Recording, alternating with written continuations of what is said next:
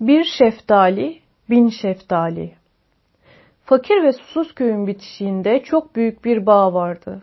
Güzel mi güzel, içinden suyu akan, meyve ağaçlarıyla dolu bir bağ. Bağ o kadar büyük ve ağaçlıktı ki bir ucundan dürbünle baksan öbür ucunu göremezdin. Köy ağası birkaç yıl önce araziyi parselleyip köylülere satmış ama bağı kendine ayırmıştı. Tabi köylülerin arazisi düz ve ağaçlık değildi. Su da yoktu üstelik. Vadinin ortasında bir düzlük vardı. İşte ağanın bağı orasıydı. Köylüler ağadan satın aldıkları tepelerdeki engebeli arazilerde ve vadideki yamaçlarda arpa, buğday ekiyorlardı. Her neyse, geçelim bunları. Belki de öykümüzle ilgisi yok. Bağda iki şeftali ağacı yetişmişti. Biri daha küçük ve gençti. Bu iki ağacın yaprağı çiçeği tıpatıp birbirine benzerdi. Her gören daha ilk bakışta ikisinin de aynı cins ağaç olduğunu anlardı. Büyük ağaç aşılıydı. Her yıl iri iri, pembe pembe güzel şeftaliler verirdi. Avuca zor sığan bu şeftalileri insan ısırıp yemeye kıyamazdı. Bahçıvan büyük ağacı bir yabancı mühendisin aşıladığını, aşıyı da memleketinden getirdiğini söylerdi. Bu kadar çok para harcanan bir ağacın şeftalileri de elbette kıymetli olur. Nazar değmesin diye birer tahtaya Kur'an'dan ve in yakat ayeti yazılıp ağaçların gövdesine tutturulmuştu. Küçük şeftali ağacı hemen hemen her yıl bin çiçek açar ama bir şeftali bile vermezdi. Ya çiçeklerini döker ya da şeftaliler olgunlaşmadan sararıp dökülürdü. Bahçıvan elinden geleni yapıyordu yapmasına. Ama küçük şeftali ağacında bir değişiklik olmuyordu. Her yıl dallanıp budaklanıyor, yine de ilaç niyetine bir şeftali bile büyütmüyordu. Küçük ağacı da aşılamak geldi bahçıvanın aklına. Ama ağaç yine değişmedi. İnat ediyordu sanki. İyice bulanan bahçıvan bir hileyle ağacı korkutmak istedi. Gidip bir testere getirdi. Karısına da seslendi. Küçük şeftali ağacının önünde testere bilemeye koyuldu. Testere bir güzel bilendikten sonra geri geri gitti. Şimdi gelip seni kökünden keseceğim. Hele şeftalilerini dök de göreyim bakayım der gibi ağacın üzerine yürüdü. Daha bahçıvan ağaca yaklaşmadan karısı elinden tuttu.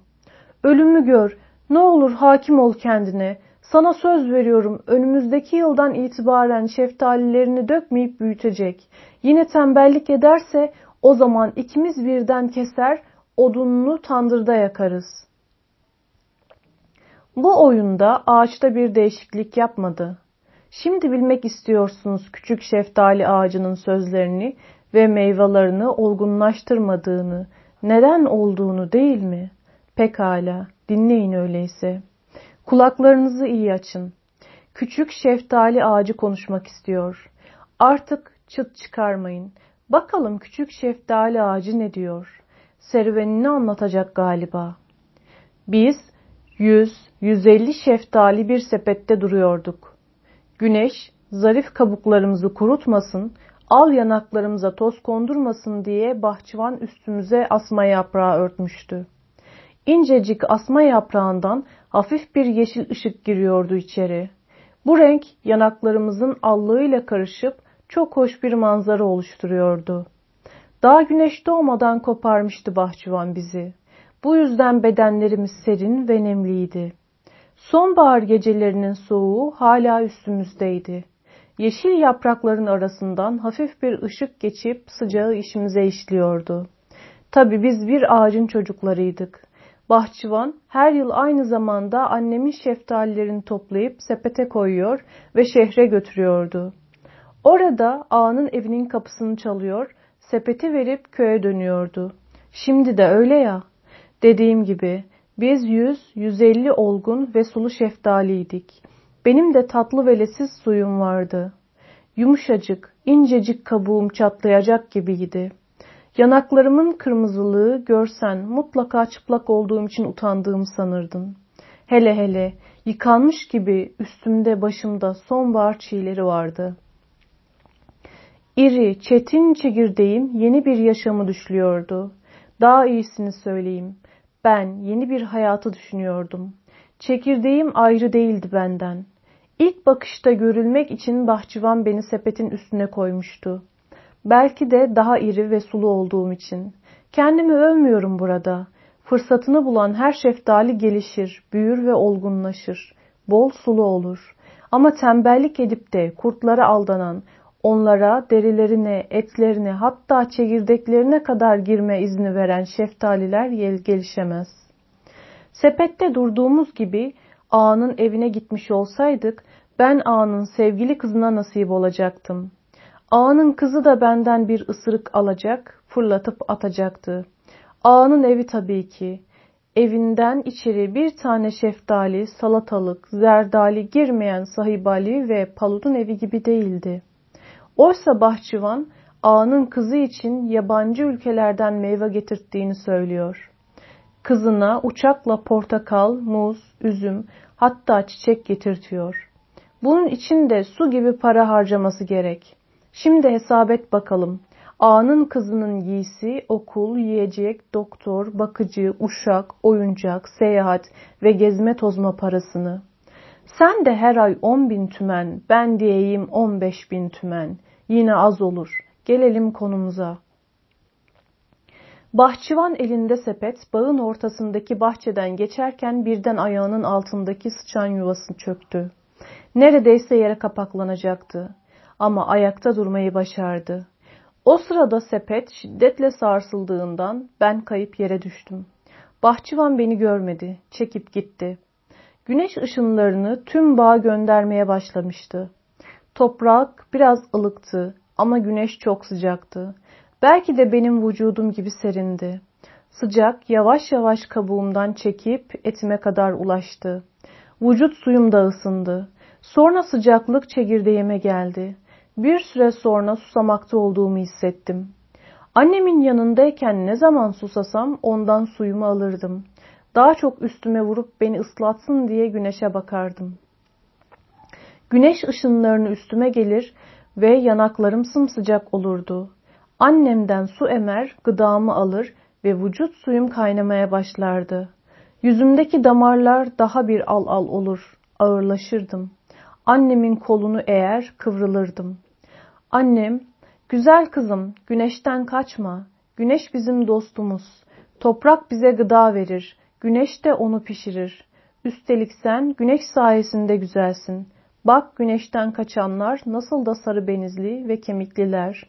Güzel kızım, bir gün güneş yere dağılır da parlamayacak olursa yeryüzünde canlı diye bir şey kalmaz. Ne bitkiler ne hayvanlar derdi. Bu yüzden gücüm yettikçe kendimi güneşe teslim eder, güneşin sıcaklığını emer ve içimde toplardım. Günden güne güçlendiğimi görürdüm. Hep sorardım kendime, Günün birinde birisi güneşi gücendirirse ve güneş de bize küserse ne olur halimiz o zaman? Nihayet bir gün anneme sordum. Anneciğim, günün birinde güneş hanım darılır da bize küserse ne yaparız? Annem yapraklarıyla yüzümdeki tozları sildi. Neler düşünüyorsun böyle? Sen akıllı bir kızsın. Biliyor musun kızım? Güneş hanım birkaç kendini beğenmiş yüzünden küsmez bize. Ama yavaş yavaş ışığını ve sıcaklığını yitirip ölebilir. İşte o zaman başka bir güneş bulmamız gerekir. Yoksa karanlıkta kalır, soğuktan donar ve kururuz. Sahi nerede kalmıştık? Evet evet, sıcağın çekirdeğime kadar gelip beni susattığından söz ediyordum. Bir süre sonra vücut suyum kaynamaya, kabuğum kurumaya ve çatlamaya yüz tuttu. Bir karınca koşa koşa geldi. Etrafımda dönmeye başladı. Sepetten düştüğümde kabuğum bir yerden çatlamış ve vücut suyumun bir kısmı dışarı dökülmüş. Güneşte katılaşmıştı. Karınca başındaki hortumu öz suyuma sokup çekti. Sonra bıraktı beni. Hortumuna baktı, baktı. Sonra yine daldırdı hortumunu. Kaldırdı duyargalarını. Öyle hızlı çekiyordu ki hortumu kökünden sökülecek sandım birden. Karınca biraz daha zorladı. Sonunda katılaşmış öz suyumu yerinden söküp sevinerek koşa koşa yanımdan uzaklaştı. Tam bu sırada bir ses duydum. İki kişi duvar bahçesinden içeri atladı ve koşa koşa bana doğru geldi. Sayı balı ile pulattı bunlar. Meyve ile karınlarını doyurmaya gelmişlerdi. Ötekileri gibi bahçıvanın tüfeğinden korkmazlardı. Diğer köylüler adımlarını atmazlardı bağa ama Pulat ile sahibalı ayakları çıplak, yırtık pırtık yamalı bir pantolonla hep dolaşırlardı bağda. Bahçıvan birkaç kez aralarından ateş etmiş, yine kaçmayı başarmışlardı. O zamanlar ikisi de 7-8 yaşlarındaydı. Uzun sözün kısası o gün koşa koşa geldiler. Üstümden atlayıp anneme gittiler. Baktım biraz sonra geri dönüyorlar. Hem de canları çok sıkılmış bir halde. Konuşmalarından bahçıvana kızdıklarını anladım. Pulat, gördün mü? Bu da bahçıvanın son meyvesi. Bir tanesi bile kısmet olmadı. Sahi balı, ne yapabilirdik ki? Adam bir ay boyunca elinde tüfek ağacın dibinden kımıldamadı. Pulat, lanet olası köpek herif, bir tane bile bırakmamış bize. O sulu olanlarından bir tanesini ağzıma tıkıştırmayı ne çok isterdim bilemezsin.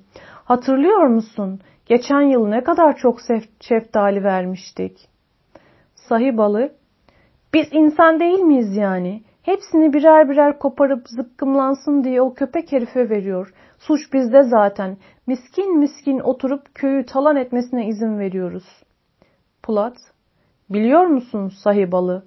Ya bu bağ köyün malı olur ya da bütün ağaçları yakarım. Sahibalı, birlikte yakalım. Pulat, yakmazsak şerefsiziz. Çocuklar öyle sinirlenmişti, öyle tepiniyorlardı ki tekme yemekten korktum birden ama yapmadılar. Ben tam karşılarındayken Pulat'ın ayağına diken battı. Pulat eğilip dikeni çıkarırken gözü bana ilişti. Ayağındaki dikeni unuttu. Beni yerden alıp sahibalıya bak sahibalı dedi. Çocuklar beni elden ele dolaştırıp sevindiler. Beni öyle yemek istemediler. Çok sıcaktım. Serinletip yemelerini istiyordum. O zaman daha çok tat verirdim. Kırış kırış kirli elleri kabuğumu tahriş ediyordu. Ama memnundum halimden. Son zerreme kadar beni lezzetle yiyeceklerini, sonra yalanıp parmaklarını emeceklerini biliyordum. Tadım günlerce, haftalarca damaklarında kalacaktı. Sahibalı, Pulat, yemin ederim ki hiç böyle bir iri şeftali görmemiştim. Pulat, hayır görmemiştik. Sahibalı, havuz kenarına gidelim. Serinletip yersek daha lezzetli olur. Beni öyle dikkatli götürdüler ki sanki vücudum incecik bir camdan yapılmıştı da bir sarsıntıda düşüp kırılacak gibiydim. Havuz kenarı serin ve gölgeliydi. Kavak ve söğütler öyle serin bir gölge salmışlardı ki daha ilk nefeste serinliği çekirdeğime kadar hissettim. Dikkatle beni suya bıraktılar. Dört küçük ve kirli el sımsıkı suda tuttu beni. Su buz gibiydi. Biraz bekledikten sonra Pulat, sahibalı, ha söyle, diyorum ki bu şeftali çok kıymetlidir değil mi? Evet. Evet demekle olmaz. Sence ne kadar eder? Sahibalı biraz düşündü. Bende değeri çok değerli olduğunu söylüyorum. Mesela kaç? Sahibalı yine düşündü. Bir güzel soğutursak ım, bin tümen. Senin de hiç paradan anladığın yok. İyi maşallah. Sen hazinenin başına oturmuşsun. Sen söyle bakalım kaç edermiş? Yüz tümen. Bin yüzden daha çok ama. Vallahi uydurmuyorum. Babamdan duydum. Madem öyle belki ikisi de birdir ha? Ben de uydurmuyorum. Babamdan duydum. Pulat yavaşça dokundu bana. Ellerim dondu. Bence yeme zamanı geldi. Sahibalı da dikkatli dokundu bana. Evet, buz gibi olmuş.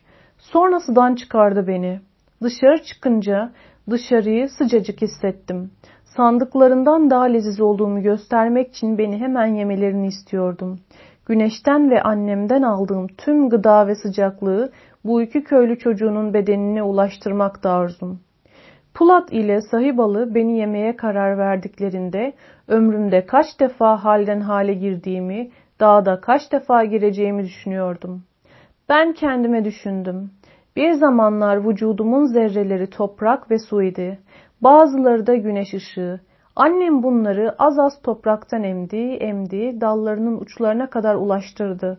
Sonra annem tomurcuklandı, çiçek açtı ve yavaş yavaş ben ortaya çıktım. Vücudumdaki tüm zerreleri az az annemin bedeninden aldım. Güneş ışınlarıyla karıştırdım. Çekirdeğim, kabuğum ve etim olmuştu ve nihayet olgun, sulu bir şeftali oldum. Şimdi Pulat ile Sahibalı beni yiyorlar. Bir süre sonra zerrelerim onların vücutlarında et, saç, kemik olacak. Elbette bir gün onlar da ölecek. O zaman benim vücudumun zerreleri ne olacak? Çocuklar beni yemeye karar verdiler. Sahibalı beni Pulat'a verdi. Isır bir kere. Pulat bir ısırık aldı ve Sahibalı'ya verdi beni. Sonra başladı yalanmaya. Sahibalı da bir ısırık aldı ve beni verdi Pulat'a. Dediğim gibi tadım damaklarında kaldı. Şimdi etlerim ortadan kayboluyordu ama çekirdeğim yeni bir yaşam düşüncesindeydi. Bir dakika sonra şeftali olarak benden geriye hiçbir şey kalmamıştı. Oysa çekirdeğim ne zaman ve nasıl yaşarmaya başlayacağını planlıyordu. Ben belirli zamanlarda ölüyor ve tekrar diriliyordum. Son kez Pulat beni ağzına aldı ve son zerresine kadar etlerimi emdi. Beni ağzından çıkardığında artık şeftali değildim. Sert kabuklu, içinde yeni bir yaşamın tohumunu gizleyen canlı bir çekirdektim. Sadece kabuğumu çatlatıp yeşerecek kadar dinlenmeyi ve nemli toprağa ihtiyacım vardı. Çocuklar parmaklarını son defa emip yalandıktan sonra Pulat, ''Şimdi ne yapalım?'' Sahibalı, ''Suya girelim.'' Pulat, ''Çekirdeğini yemeyelim mi?'' Sahibalı, ''Bir planım var, bırak kalsın.'' Pulat beni söğüt ağacının dibine bıraktı. Gerisin geri gitti, gitti. Sonra koşa koşa sırt üstü suya atladı. Atlarken dizlerini karnına kadar çekmiş, elleriyle dizlerini sarmıştı. Bir an suda kayboldu. Çırpındı ve ayağa kalktı. Çevresindeki çamurlar da bu arada suya karıştı. Su çenesinin altına kadar geliyordu. Başından, kulağından, yüzünden yosunlar sarkıyordu. Sahibalı, Pulat yüzünü o yana çevir. Pulat, pantolonunu mu çıkaracaksın? Sahibalı, evet, babamın yüzdüğümüzü anlamasını istemiyorum. Döver yoksa beni. Pulat, öğleyin döneceğiz eve, daha vaktimiz var. Sahibalı, tependeki güneşi görmüyor musun yoksa? Pulat bir şey demeyip yüzünü öbür tarafa çevirdi. Sahibalının suya düşüş sesini duyunca yüzünü çevirdi, sonra yüzmeye, suya dalmaya ve birbirlerine su atmaya başladılar. Geç oldu deyip sudan çıktılar. Pulat pantolonunu birkaç defa silkeledi. Sonra beni de söğüdün dibinden alıp yola koyuldular. Bağın sonundaki duvara tırmanıp öbür tarafa atladılar. Köy evleri ağanın bağından daha uzaktı. Pulat, ee onun için bir planım vardı hani. Sahibalı, Gölge gelsin iyice. Sana seslenirim. Tepeye çıkar otururuz. Orada sana planlarımı söylerim. Köyün sokakları tenhaydı ama her taraf sinek ve gübre doluydu. İri bir köpek duvarın üstünden atlayıp ayağımızın önünde durdu. Pulat köpeği okşadı. Sonra kalkıp evine gitti. Köpek de onun peşinden eve girdi. Sokak yokuş yukarıydı. Yokuş öylesine dikti ki Yol ile Pulad'ın evinin damı aynı seviyedeydi. Sahibalı damlardan geçerek eve gitti. Birkaç ev yukarıda kendi evleri vardı. Beni avucunda sımsıkı tutup bahçelerine atladı. Ayakları dizlerine kadar annesinin bir saat önce döktüğü hayvan dışkısına battı. Sahibalı'nın bundan haberi yoktu. Annesi ses duyunca evden başını uzattı. Sahibalı çabuk babana bir lokma ekmekle su götür. Sayıbalı beni tavlaya götürdü ve bir köşede gübrelerin arasında bir delik açıp beni oraya gömdü. Artık karanlık ve gübre kokusu dışında hiçbir şey anlamadım. Orada kaç saat kaldığımı hatırlamıyorum. Keskin, neredeyse boğulacaktım. Nihayet kaldırıldığımı hissettim. Sahibalıydı. Beni çıkardı. Bir iki kez elleri arasında ovuşturdu. Temizlemek için pantolonuna sürdü. Geldiğimiz yoldan gittik. Pulad'ın evinin damına geldik. Annesiyle kız kardeşi damda tezek yaparken kuru tezekleri duvardan alıp istifleyen komşu kadınla konuşuyorlardı. Sayı balı Pulat'ın annesine sordu. Pulat nerede? Pulat keçiyi kıra çıkardı, evde yok. Pulat'ı tepede bulduk. Kara keçiyi salı vermiş, otlatıyordu. Kendisi de köpeğiyle birlikte bizi bekliyordu. Pulat ve sayı balının ciltliklerini kabuğumun rengiyle aynı olduğunu fark ettim. Birden ikisi de güneşte o kadar çıplak kalmışlardı ki tenleri bronzlaşmıştı. Pulat sabırsızlıkla e planını anlat bakalım. Gübre kokusundan üstümden gübrenin bir şeftali ağacının olmasını ister misin? Deli misin? İstemez miyim hiç? Gidelim öyleyse. Keçiyi ne yapacağız? Eve bırakalım. Güneş batmadan getirmememi söyledi annem. Köpeği başında bırakırız öyleyse. Pulat köpeğin başını kulağını okşadı. Ben dönene kadar keçiye göz kulak ol tamam mı? Koşa koşa gittik bir bağın duvar dibine.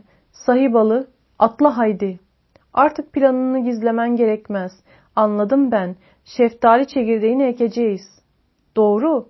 Çekirdeğimizi bağın ucundaki sırta dikeriz. Birkaç yıl sonra biz de şeftali ağacı sahibi oluruz. Neden başka bir yere değil de buraya diktiğimizi anlayacaksın. Tepede taşların arasında şeftali ağacı büyümez. Ağaç su ister. Yumuşak su ister. Tamam tamam. Nutuk çekmeye kalkma. Yukarı çıkıp bir bakayım. Bir bahçıvan gelmiş mi? Bahçıvan henüz şehirden dönmemişti. Pulat ile sahibalı bağın bir köşesinde toprağı kazdılar.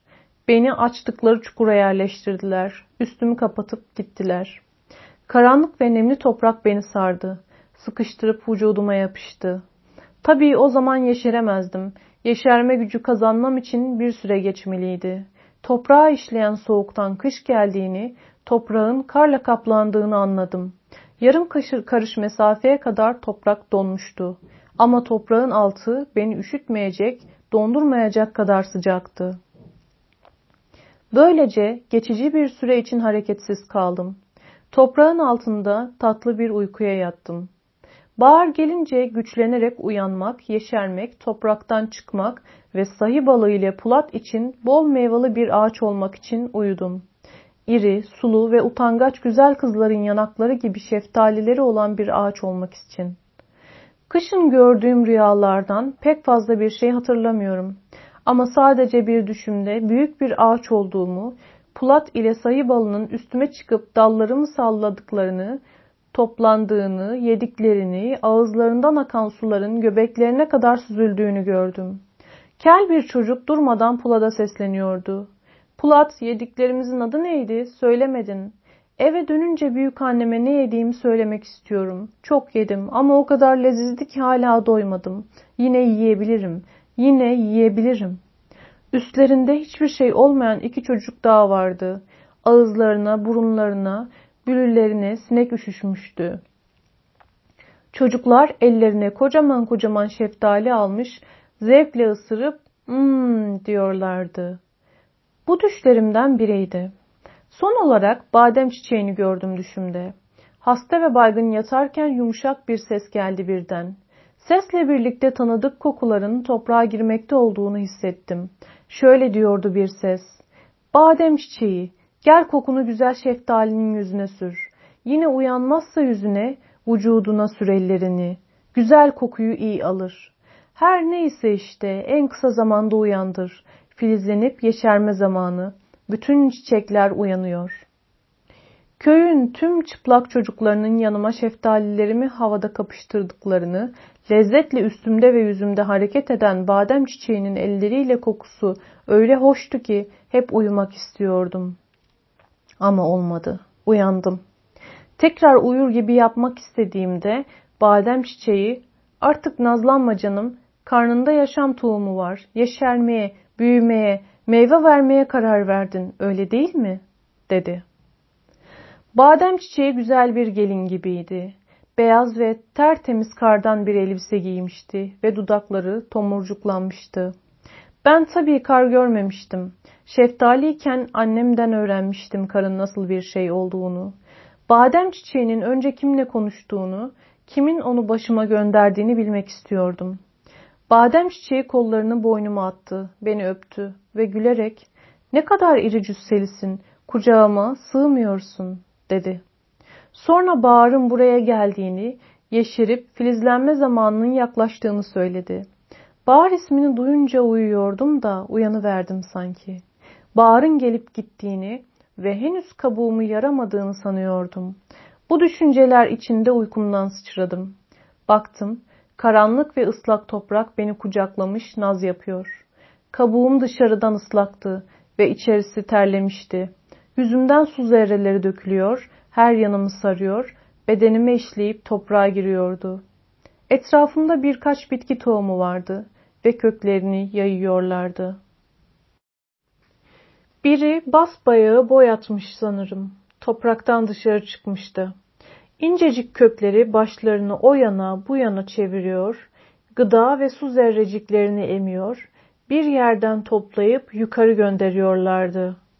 Tanımadığım bir başka bitki tohumu da küçük küçük kök salmış, başını eğmiş, sabırla usul usul toprağa deliyor, yukarılara çıkıyordu. İki gün sonra güneşin doğuşunu izlemeye karar vermişti. Vücudumun tam altından başka bir kök geçiyor, ilerlerken hep gıdıklıyordu beni. Su kenarındaki badem ağacına ait olduğunu söylüyordu.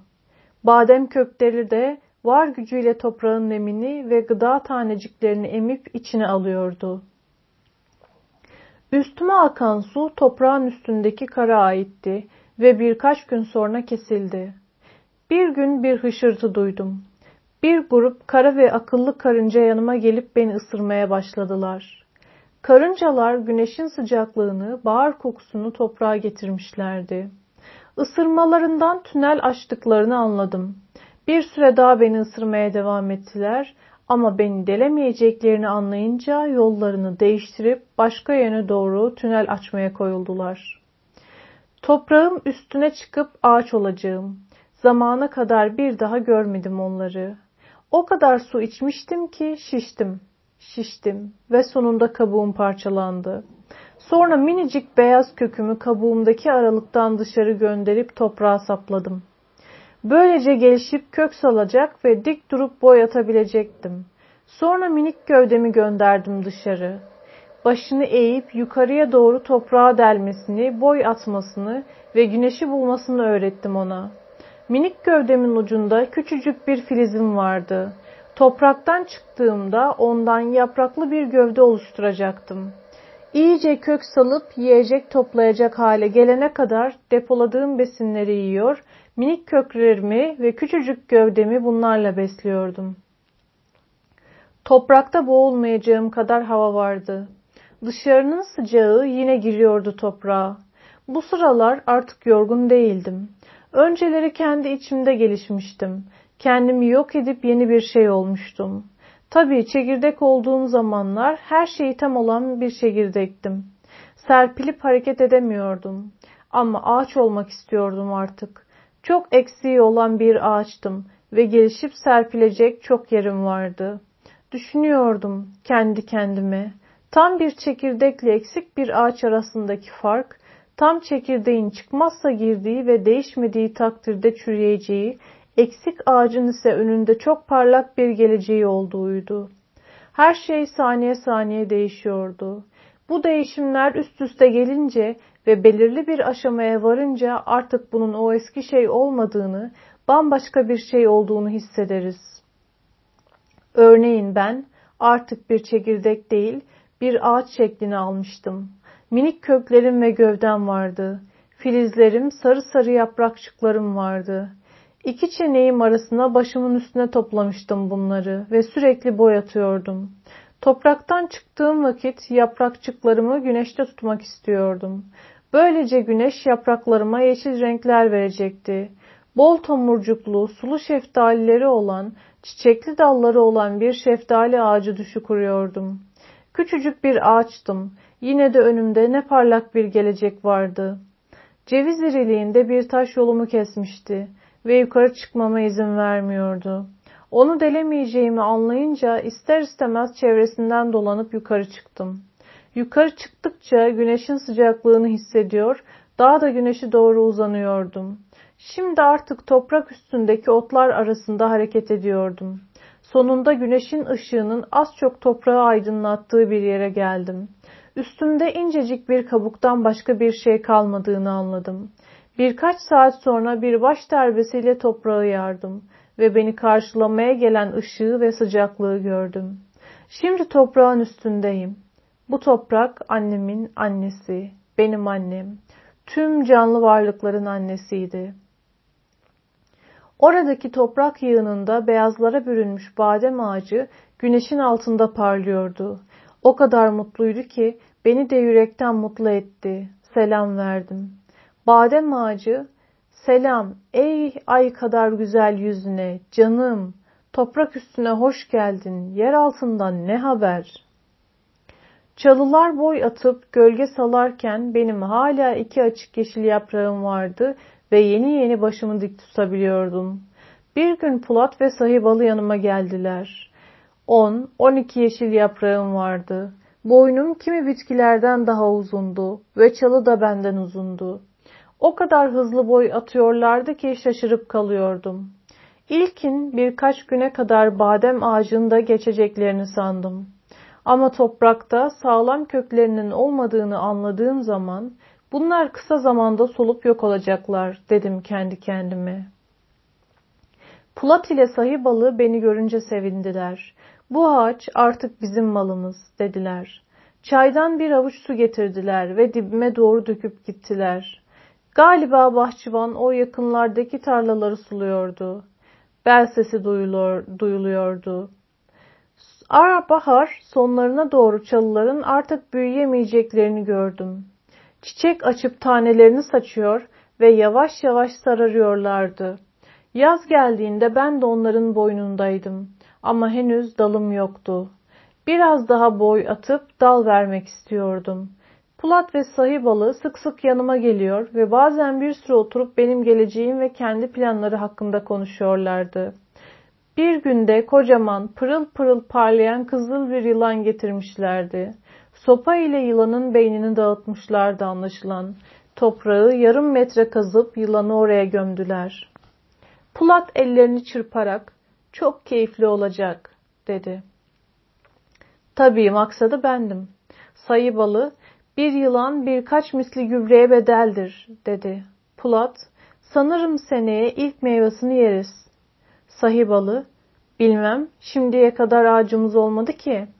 Pulat, olsun, duyduğuma göre şeftali ağaçları çabuk meyve verirmiş. Ben de biliyordum bunu. Annem iki yaşındayken iki şeftali vermiş. Şeftalilerin büyüyüp olgunlaştığında ne şekil alacaklarını merak ediyordum. Şeftalilerin vücudumdaki öz suyunu nasıl emeceklerini görmek için en kısa zamanda meyve vermek istiyordum.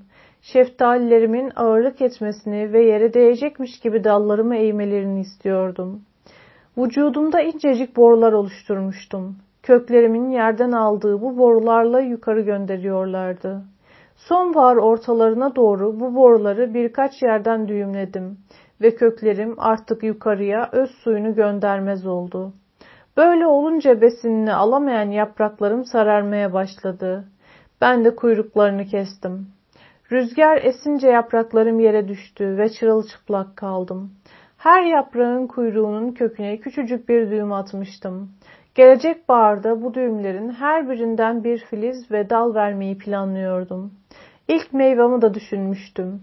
Annem gibi iki yaşında meyve vermek istiyordum. Tam anımsayamıyorum. Bedenimde dört beş düğüm vardı. Bunlardan tamurcuk ve çiçek vermeyi düşünüyordum. Hep çiçeklerimi düşünmeyi seviyordum. Hava soğudukça beni bir uykudur alıyordu. Yere kar düşüp de toprak donunca derin bir uykuya daldım. Pulat ile sahi balığı etrafıma çuval parçaları koymuşlardı. Hala ince ve yumuşak bir kabuğum vardı ve kışın her taraf don tuttuğunda tavşanlar için leziz bir yiyecek sayılırdım. Üstelik soğuk almam da mümkündü. O zaman bahar gelince yeniden kökten yeşirip büyümem gerekirdi. Bahar gelince her şeyden önce köklerim uyandı. Sonra öz suyu gelince gövdem uyandı. Filizlenip kımıldanıp şiştiler. Topraktan vücuduma gelen su vücudumun her organını uyandırıyor ve harekete zorluyordu. Filizlerim de minik minik yapraklar oluşturuyordu. Filizlerim baş verdiğinde bunları büyütüp genişletecektim.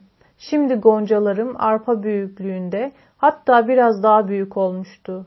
Bana kala kala üç gonca kalmış, diğerlerini obur bir serçe gagalayıp yemişti. Üç çiçek açtım. Ama işin ortasına gelince üçünü de büyütemeyeceğimi anladım. Çiçeklerimden biri solup düştü. İkincisi badem haline gelmişti. Ona da besin gönderemedim. İkinci çağlamda soldu ve rüzgar esip yere düşürdü. Bunun üzerine tüm gücümü toplayıp eşi benzeri olmayan bir tanecik şeftalimi göndermeye başladım. Herkesin bunu görüp gözlerinin fal taşı gibi açılmasını, bu şeftaliyi yiyenin bir daha ağzına başka meyve almamasını istiyordum. Çiçek açtıktan birkaç gün sonra çiçek yapraklarımı döktüm ve çiçeğimin çanağı içindeki meyvemi beslemeye, büyütmeye başladım. Sonunda çiçek çanağım çatladı ve çağlam ortaya çıktı. Şeftalim tepeme yakın bir yerdeydi. Daha çağlayken bile beni birazcık eğdi. İstediğim gibi bir şeftali yaptığımda belimin eğileceğini, belki de kırılacağını düşünüp kaygılanıyordum. İster istemez katlanacağım bu zorluklara rağmen şeftalimin solup dökülmesine asla razı değildim. Doğrusunu isterseniz gelecek yıllarda şeftalilerimin sayısını bine çıkarmayı planlıyordum. Bu nedenle daha ilk şeftalide kendimi denemeliydim. Çocukların yakınımda toprağa gömdükleri yılan parçalanmış ve toprağı güçlendirmişti. Bu yılan yüzünden bayağı bayağı dallanıp budaklanmıştım. Pulat ile sahibalı bugünlerde pek az yanıma geliyorlardı. Sanırım babalarının yanında tarlaya ve hasat ve harman yapmaya gidiyorlardı. Ama bir gün beni görmeye geldiler ve ellerindeki sopayı yanımda toprağa gömdüler ve beni ona bağladılar. Galiba o gün Pulat birdenbire sahibalı demişti. Sahibalı, ne var söyle. Pulat, bahçıvan olacak bu köpoğlu bizim ağacı bulmasın sakın. Sahibalı, bulsa ne olacak ki? Pulat bir şey demedi. Sahibalı, hiçbir halt edemez. Ağacı biz dikip yetiştirdik. Meyvası da bizimdir. Pulat düşünceye dalmıştı. Sonra, yer bizim değil ama. Yine de bir halt edemez. Yer onu ekenin malıdır. Ağaç diktiğimiz şu ufacık yer bizim malımızdır. Pulat cesaretlendi. Evet ya, bizim malımız. Bir halt ederse yakarız bütün bahçeyi. Sayı balı çıplak ve güneşten yanmış göğsünü yumruklayarak ölürüm de yaşatmam onu, bahçesini yakar kaçarız. O gün Pulat ile sahibalı o sopayı bana bağlamasalardı geceleyin mutlaka kırılırdım. Çünkü gece fırtına çıkmış, bütün dalları yaprakları birbirine katmıştı. Sabahleyin bademin birkaç dalının kırıldığını gördüm çünkü. Günler günleri kovalıyor ve, ben var gücümle şeftalimi irileştiriyor, ir, irileştiriyor, yanakları kızarsın ve sıcak etine işlesin diye güneşte tutuyordum. Kızım vücuduma sımsıkı yapışmış, öyle emiyordu ki bazen vücudum sızlıyordu. Ama hiç kızmıyordum ona. Şimdi anne olmuştum artık ve güzel mi güzel bir kızım vardı. Sayı ile Pulat benimle öyle ilgilenir olmuşlardı ki bahçedeki diğer ağaçları unutmuşlardı adeta. Geçen yıllarda olduğu gibi annemin şeftalileri için pusuya yatmıyorlardı. Ben kendimi onların biliyor, vaktiyle beni yedikleri gibi şeftalim olgunlaştığı zaman onu da koparıp afiyetle yemelerine hak veriyordum. Bağır başlarıydı. Bir gün Pulat tek başına yanıma geldi. Çok üzgündü. İlk kez onlardan birini tek başına görüyordum. Pulat önce hep suladı beni. Sonra otlara oturup yavaş yavaş bana ve şeftalime, ''Şeftali ağacım, güzel şeftalim, neler oldu biliyor musun?'' ''Neden bugün yalnızım biliyor musun?'' ''Evet, bilmiyorsun. Sahibalı öldü. Yılan soktu onu.'' Yaşlı boncuk nine sabaha kadar başında durdu. Sanırım elinden bir şey gelmiyordu. Söylediği bütün ilaçları sahip alının babası ile birlikte kırlardan, dağlardan topladık. Ama sahip balığı yine de iyileşmedi. Zavallı sahip balığı. Niye beni yalnız bıraktın bilmem ki. Pulat ağlamaya başladı. Sonra tekrar konuştu. Birkaç gün önce öğleyin kırdan dönerken tepede rastlaştık. Yıka, yılan yakalayıp getirmeye karar verdik. Hani geçen yılda toprağını güçlendirsin diye buraya gömmüştük ya. Yılanlar Vadisi'ne gittik. Yılanlar Vadisi'nde istemediğin kadar yılan vardır. Vadinin bir tarafında dağ var. Dağ bir parça kayadan oluşmuş. Hayır, irili ufaklı binlerce taşın gökten yağıp biriktiğini düşün. Yılanların yuvası var taşların arasında. Sıcaktan vücutları ısınınca dışarı çıkarlar. Bizim tarla komşumuzun tarlası, sayı balının dayı oğlunun tarlası ve birkaç kişinin daha tarlası Yılanlar Vadisi'nde. Her taraftan yılan ıslıkları duyulur. Sayı balıyla dağın dağın aşağılarında taşların aralarına bakıyor ve sana semiz bir yılan bulmak için sopalarımızı yılan deliklerine sokuyorduk. Yine böyle çıplaktık. Üstümüzde sadece bir pantolon vardı. Sırtımız o kadar ıslanmıştı ki yumurta koysam pişerdi. Bir taştan öbür taşa atlarken birden sahibalının ayağı kayıp sırt üstü yere düştü ve yere düşmesiyle vadide bir çığlığın yankılanması bir oldu. Sahibalı sırt üstü yatarken bir yılan üstüne çıkıp çöreklenmişti. Sahibalı bir çığlık daha attı ve oradan vadinin dibine toprak üstüne düştü. Artık yılana göz açtırmadım. Önce kafasına indirdim sopayı, sonra karnına. Bir kere daha vurdum başına. Karnındaki iki fareyle bir serçe vardı. Sayı balı baygın yatıyor ve sesi soluğu çıkmıyordu. Sopası bir yerlere düşmüştü. Yılanın soktuğu yer kızarmıştı. Yılan ayağını veya elini soksaydı ne yapacağımı biliyordum. Ama sırtının ortasına ne yapabilirdim? Çaresiz sayı balıyı omzuma alıp köye getirdim. Yaşlı boncuk nine sabahleyin mezar başındayken anneme sahi balıyı hemen ona getirmeseymişim ölmeyeceğini söylüyordu. Ama sahi balıyı nasıl daha erken yetiştirebilirdim ki? Şeftali ağacı, sen de bilirsin, sayı balığı benden ağırdı.